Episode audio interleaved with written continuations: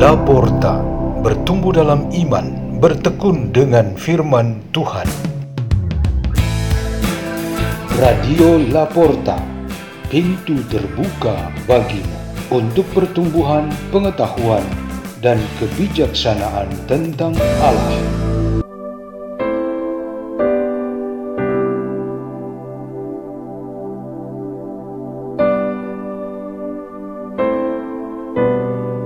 Bacaan-bacaan dan renungan Sabda Tuhan Hari Minggu pertama Prapaskah 26 Februari 2023 Dibawakan oleh Henry, Rini, Tirto, dan Pater Peter SDB dari komunitas Pukat Labuan Bajo, Keuskupan Ruteng Indonesia.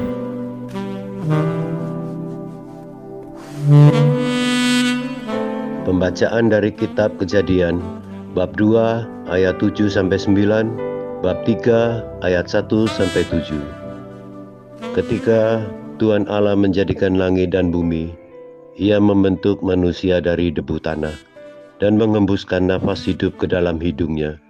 Demikianlah manusia itu menjadi makhluk yang hidup. Selanjutnya Tuhan Allah membuat taman di Eden, di sebelah timur Di situlah ditempatkannya manusia yang dibentuknya itu. Lalu Tuhan Allah menumbuhkan berbagai pohon dari bumi yang menarik dan yang baik untuk dimakan buahnya. Di tengah-tengah taman itu ia menumbuhkan pohon kehidupan serta pohon pengetahuan tentang yang baik dan yang jahat. Dari segala binatang di darat yang dijadikan oleh Tuhan Allah, Ular adalah binatang yang paling cerdik. Ular itu berkata kepada perempuan yang telah diciptakan Tuhan, "Tentulah Allah berfirman, semua pohon dalam taman ini jangan kamu makan buahnya, bukan?" Saut perempuan itu kepada ular, "Buah pohon-pohon dalam taman ini boleh kami makan, tetapi tentang buah pohon yang ada di tengah taman, Allah berfirman, Jangan kamu makan ataupun kamu raba buah itu, nanti kamu mati. Tetapi ular itu berkata kepada perempuan itu, Sekali-kali kamu tidak akan mati. Tetapi Allah mengetahui bahwa pada waktu kamu memakannya, matamu akan terbuka dan kamu akan menjadi seperti Allah, tahu tentang yang baik dan yang jahat. Perempuan itu melihat bahwa buah pohon itu baik untuk dimakan dan sedap kelihatannya. Lagi pula, pohon itu menarik hati karena memberi pengertian. Maka ia mengambil dari buahnya, lalu dimakan, dan diberikannya juga kepada suaminya yang bersama-sama dengan dia. Dan suaminya pun memakannya, maka terbukalah mata mereka berdua, dan mereka tahu bahwa mereka telanjang. Lalu mereka menyemat daun pohon ara dan membuat cawat Demikianlah sabda Tuhan.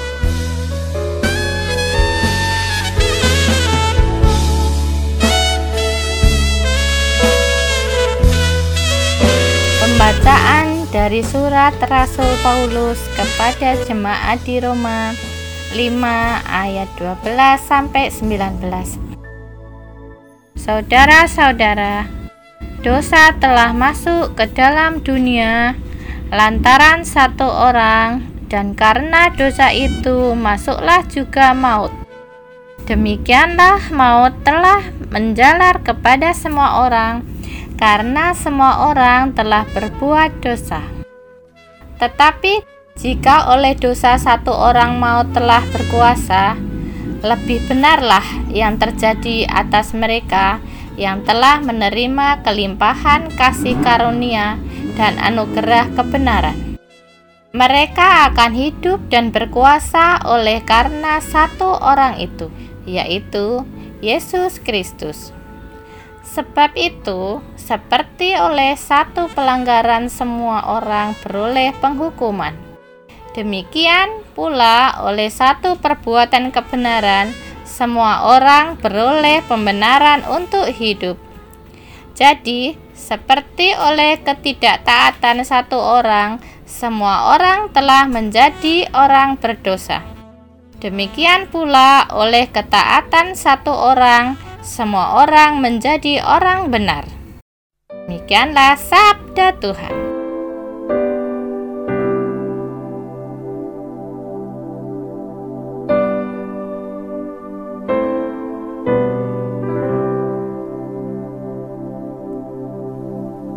Inilah Injil suci menurut Matius 4 ayat 1 sampai 11. Sekali peristiwa, Yesus dibawa oleh roh ke padang gurun supaya dicobai iblis. Setelah berpuasa 40 hari dan 40 malam, akhirnya laparlah Yesus. Lalu datanglah si pencoba itu dan berkata kepadanya, "Jika engkau anak Allah, perintahkanlah supaya batu-batu ini menjadi roti." Tetapi Yesus menjawab, "Ada tertulis, manusia hidup bukan dari roti saja, tetapi setiap firman yang keluar dari mulut Allah." Kemudian iblis membawa Yesus ke kota suci dan menempatkan dia di bubung bait Allah.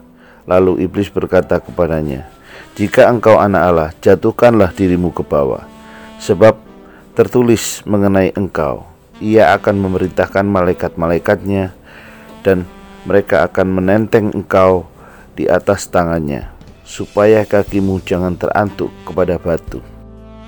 Yesus berkata kepadanya, "Ada pula tertulis, janganlah engkau mencobai Tuhan Allahmu." Lalu iblis membawa Yesus ke atas gunung yang sangat tinggi dan memperlihatkan kepadanya semua kerajaan di dunia dan kemegahannya. Iblis berkata kepadanya, semua itu akan kuberikan kepadamu jika engkau sujud menyembah aku. Maka berkatalah Yesus kepadanya, Enyalah iblis, sebab tertulis, engkau harus menyembah Tuhan Allahmu, dan hanya kepada dia sajalah engkau berbakti. Lalu iblis meninggalkan Yesus dan lihatlah malaikat-malaikat datang melayani dia. Demikianlah sabda Tuhan.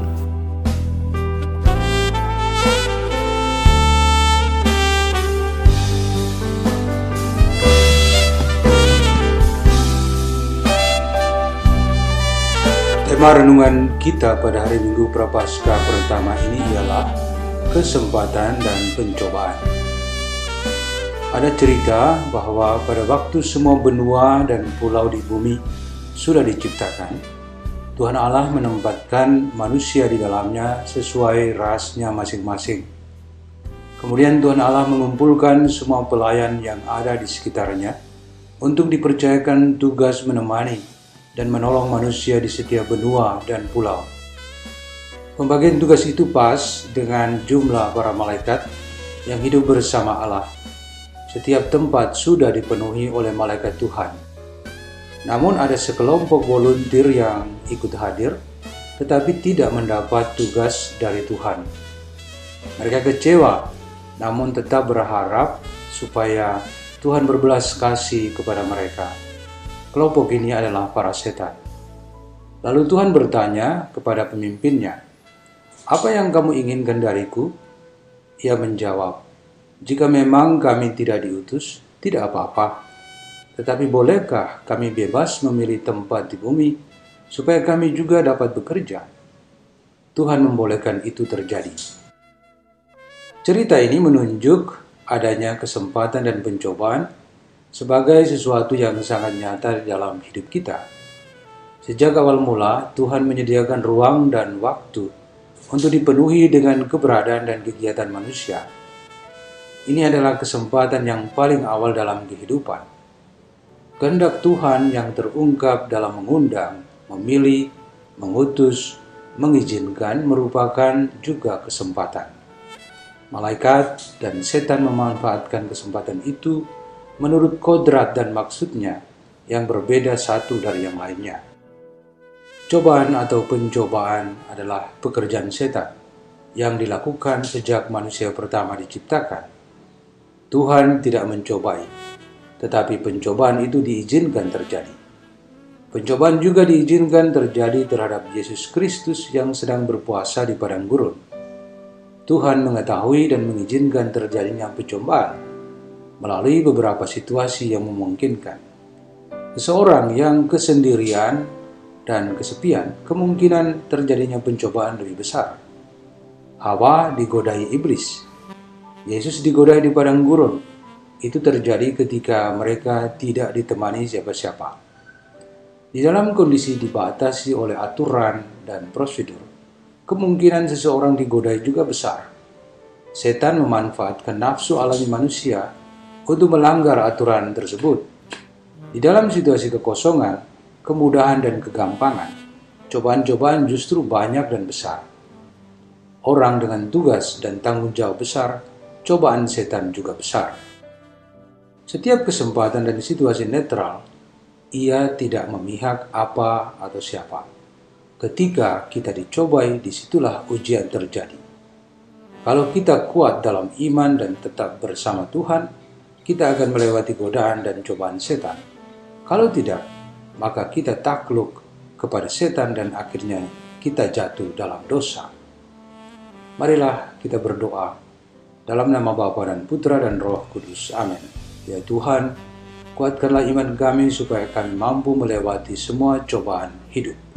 Bapa kami yang ada di surga dimuliakanlah namamu. Datanglah kerajaanmu jadilah kehendakmu.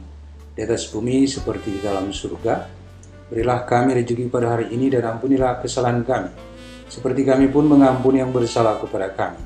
Dan janganlah masukkan kami ke dalam pencobaan, tetapi bebaskanlah kami dari yang jahat. Amin. Dalam nama Bapa dan Putra dan Roh Kudus. Amin. Radio Laporta, pintu terbuka bagimu.